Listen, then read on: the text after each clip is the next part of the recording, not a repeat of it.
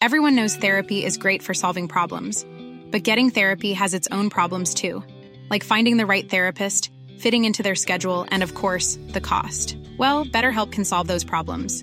It's totally online and built around your schedule. It's surprisingly affordable too. Connect with a credentialed therapist by phone, video, or online chat, all from the comfort of your home. Visit betterhelp.com to learn more and save 10% on your first month. That's BetterHelp H E L P.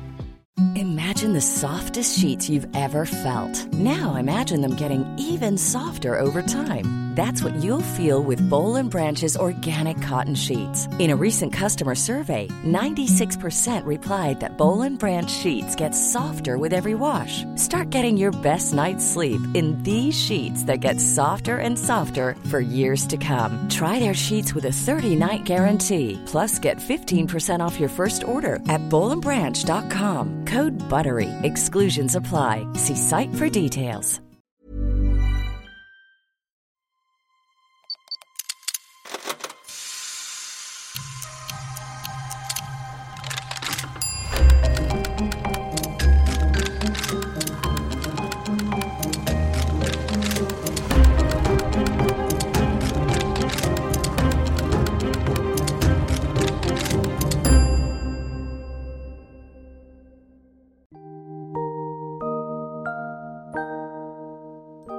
مستمعي الجميل أهلا وسهلا بيك في بودكاست علمي جدا تاني. مقدمكم عاد إليكم من جديد زي كابتن ماجد كده الموسم التاني.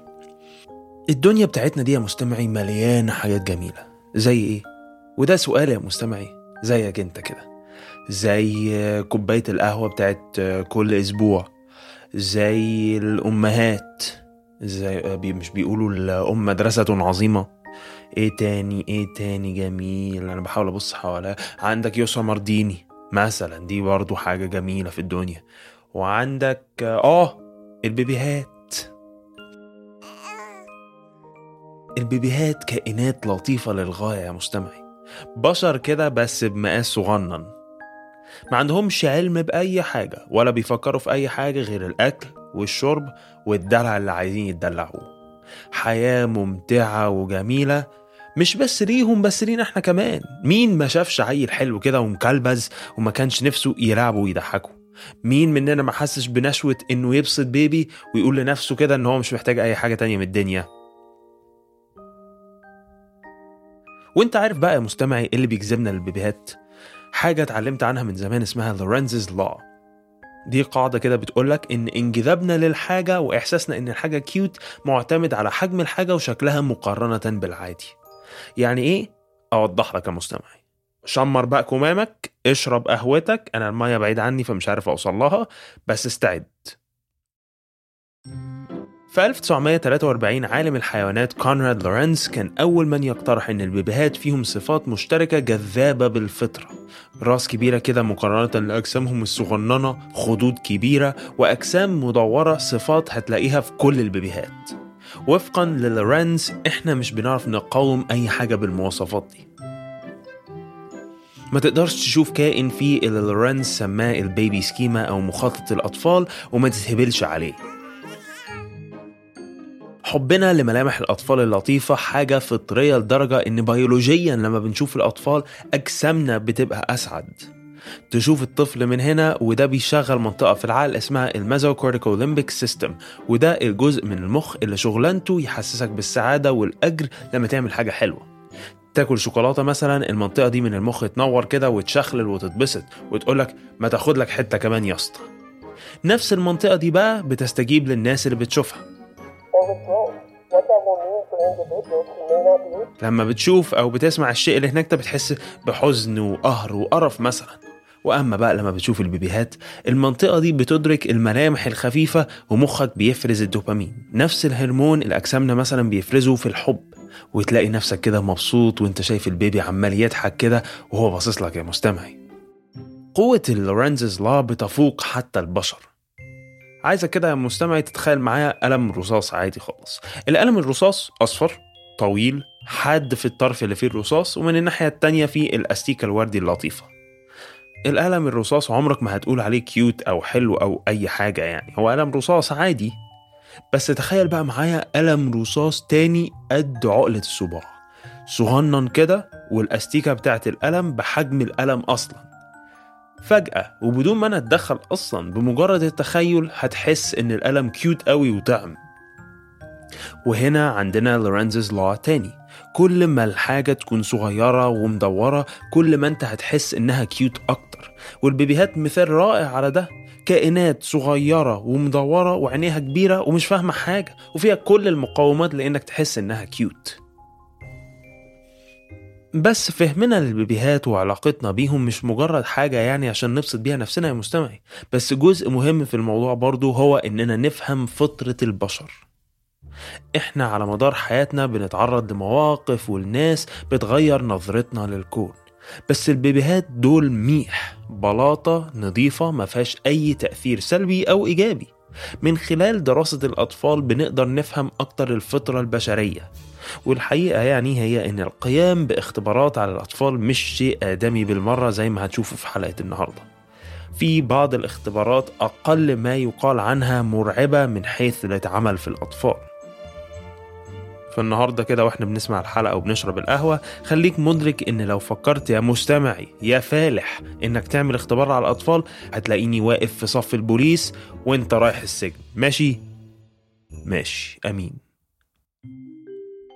أنت عارف بقى يا مستمع إيه اللي ممتع قوي في البيبيهات؟ إنك تخضهم. آه والله.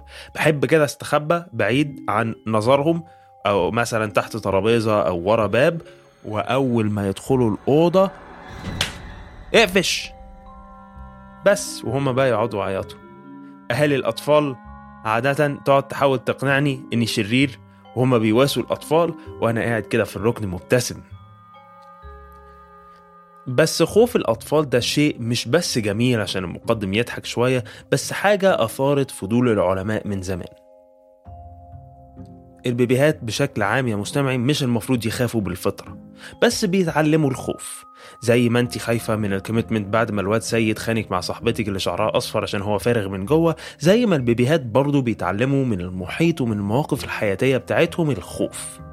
البيبيهات مش بيظهر عليهم حتى علامات خوف لحد حوالي 8 شهور ل 12 شهر. لكن ده لا يمنع إن في مخاوف فطرية عند الأطفال وهي الخوف من الأصوات العالية والخوف من المرتفعات.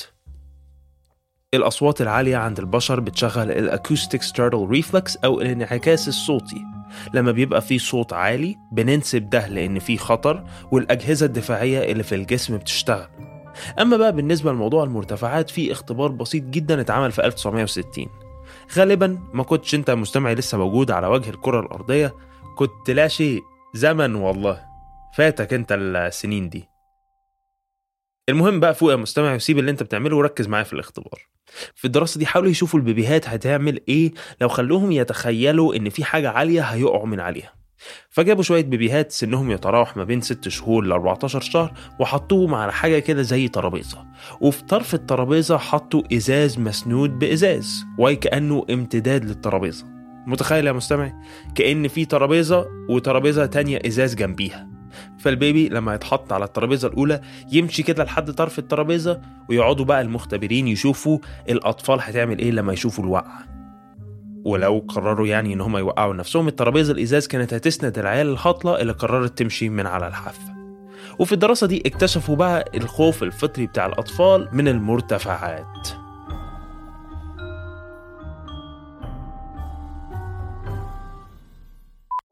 نعم. طيب آه، نعم 2000 inch saber, ليه في ناس بتحب المرتفعات وبيتبسطوا بالسكاي دايفنج؟ عشان ما عندهمش دم عادي زيك وما تقاطعنيش تاني لو سمحت. بس المخاوف الفطرية دي حمادة واللي جاي اتكلم فيه النهاردة حمادة تاني خالص. الخوف بشكل عام هو في الأول والآخر وسيلة دفاع عند البشر. الخوف بيخليك تتصرف بذكاء أكتر وتتجنب الأذية لنفسك. بتخاف من النار عشان النار يح وبتخاف من الكلاب المفترسة عشان وف وهكذا. وإحنا هيجي اليوم ونتكلم عن الخوف بشكل مفصل لكن هل نقدر نعلم الأطفال تخاف من حاجة معينة؟ في أواخر القرن ال 19 العالم الروسي إيفان بافلوف عمل اختبارات يشوف بيها لو يقدر يعلم الكلاب تنسب تصرف معين لحاجة في المحيط. كان بافلوف يجيب الكلاب ويعمل صوت زي الجرس. أول ما الجرس يرن يدي الكلاب أكل مثلا ويفضل يعمل الموضوع ده كده لحد ما كان لما بعد كده يرن الجرس. في أي وقت من اليوم الكلاب تريل عشان عارفة إن في المفروض أكل مع صوت الجرس. التعلم بالشكل ده اسمه conditioning. بس الفكرة بقى إن للأسف اختبارات بافلوف ألهمت الكثير من الباحثين يشوفوا لو التعليم بالانتساب ده نقدر نعمله في البشر وخصوصا الأطفال. والله يا مستمع البشر برضو محتاجين يشوفوا دكتور نفساني والله. يعني ليه بعد الاختبار ده حد يطلع يقول ما تيجوا نجرب في البيبيهات يا جماعة؟ وليه برضه محدش قام مدي الباحث الأولاني ده كف كده وقال له روح شوف مصالحك بعيد العب. فأنا أحب أؤكد تاني إن ده اختبار استحالة كان يتقبل في يومنا المعاصر بس من أجل العلم والفضول كان في ناس أغبياء في الماضي زي اللي كانوا مسؤولين عن الاختبار الأساسي اللي جاي أكلمكم فيه النهارده. The Little Albert Experiment أو اختبار الصغير ألبرت في 1919 الباحث جون واتسون إيه ده إيه ده إيه ده. ده اسم نفس مساعد المحقق شيرلوك هومز. آه، في موسيقى نقدر نستخدمها من مسلسل شيرلوك بتاع بي بي سي ده. جامد جدا جامد جدا. المهم في 1919 واتسون ألهمه شغل بافلوف وسأل نفسه سؤال مهم. هل نقدر نعلم الأطفال الخوف؟ يعني هل نقدر نعمل ال conditioning اللي اتعمل في الكلاب في البشر؟ وواتسون للأسف كان أول واحد قدر يجاوب على السؤال ده باختبار بسيط ومش آدمي خالص. واتسون جاب طفل صغنن كده عنده تسع شهور اسمه ألبرت وحطه كده في أوضة وقال لك أنا هشوف رد فعل ألبرت لشوية حاجات مختلفة. جاب له أرنب فار أبيض وقرد. وفي الأول فعلا ألبرت ما كانش خايف. فاكرين يا مستمعي؟ البشر مش في الطبيعة بيخافوا من الحاجات دي وألبرت كان شكله مبسوط عادي بالحيوانات.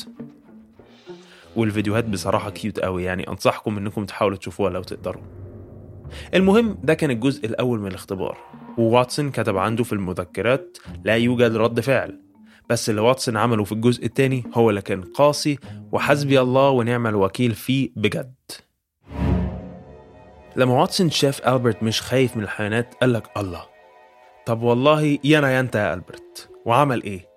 قرب الفار لألبرت وأول ما الفار كان خلاص ألبرت هيلعب معاه يقوم ماسك شاكوش وضارب على أنبوبة كانت عنده في الأوضة. ألبرت يسمع الصوت العالي جدا ده ويتخض ويبدأ يعيط لأن الأصوات العالية زي ما قلنا خوف فطري. ألبرت يهدى بعد شوية ويرجع زفت التين واتسون يعمل نفس الموضوع مرارا وتكرارا. وبعد عدة مرات ألبرت كان وصل لحالة سيئة جدا. كان كل ما يتحط الفار حواليه يبدأ يعيط لأنه متوقع الصوت العالي اللي هيجي بعد ما يشوف الفار. مش قلت لكم حسبي الله ونعم الوكيل في واتسون؟ يا ريت الموضوع كان على قد كده والسلامة يا مستمعي. ده بعد خمس أيام من الاختبار لما رجعوا شافوا ألبرت اكتشفوا إن خوفه ما كانش بس من الفيران بس كان عنده فوبيا من حاجات فيها مواصفات قريبة للفار. يعني الفار كان لونه أبيض مثلا. فألبرت يا عيني وصل لمرحلة إن دقن بابا نويل البيضة كان بيخاف منها. وكل ده ليه؟ عشان الزنديق واتسون يثبت إن ال conditioning يقدر يستخدم في البشر لتعليم الخوف. اختبار سيء وحزين يا مستمعي. بس هتفرح لما تعرف إن بعديها بفترة ألبرت رجع لطبيعته وما عادش خايف من الفيران واللي سمي بعد كده extinction أو انقراض للخوف. الاختبار بتاع واتسون من أشهر اختبارات علم النفس اللي بيتم ذكرها في ال conditioning بتاع البشر وحلو برضه تكون فاهم الأبعاد بتاعة الاختبار. بس أنا عايزك يا مستمعي مش تركن مخك وخلاص بعد ما سمعت القصة. أنا عايزك تفوق كده معايا وتركز. بشوف ناس كتير بتقرر تتجوز وتخلف والأطفال بلا شك نعمة. فكرة إن عندنا فطرة حب للأطفال وإن بمجرد إننا نشوفهم إمخاخنا بتفرز هرمونات سعادة تبسطنا دليل علمي على جمال الأطفال. وإنت مستمع الجميل إن شاء الله في يوم من الأيام هتبقى أب أو أم وهتملى بيتك مستمعين صغننين كده وتخليهم يسمعوا البودكاست اللي كنت بتسمعه وإنت شاب. لكن برضو عايزكم تفتكروا إن الأطفال مسؤولية. تصرفاتكم مع أطفالكم هي العامل الرئيسي في الشكل اللي هيشوفوا بيه الدنيا. خلي بالك يا مستمعي من اللي انت بتعلم ابنك أو بنتك يخافوا منه. هل بتعلمهم يخافوا من الغلط؟ ولا بتعلمهم يخافوا من الحياة؟ بتعلمهم يتصرفوا صح؟ ولا يتصرفوا غلط ويخبوا؟ ويا خوف يا مستمعي إنك بتكون بتعلمه إنه يخاف منك أنت. لأن دي هتبقى وحشة قوي في حقك بصراحة. بس وتصبحوا على نور.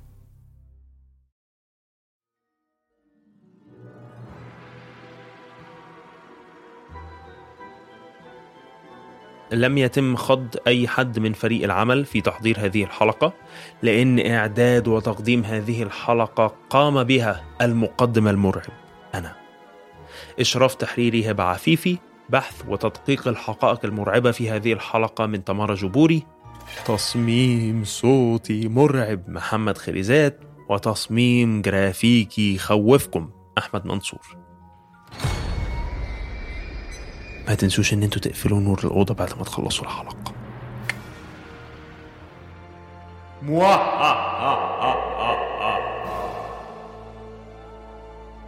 ونشوفكم بقى الأسبوع اللي جاي في حلقة غير مرعبة أو جايز تكون مرعبة مع مقدمكم. يلا سلام.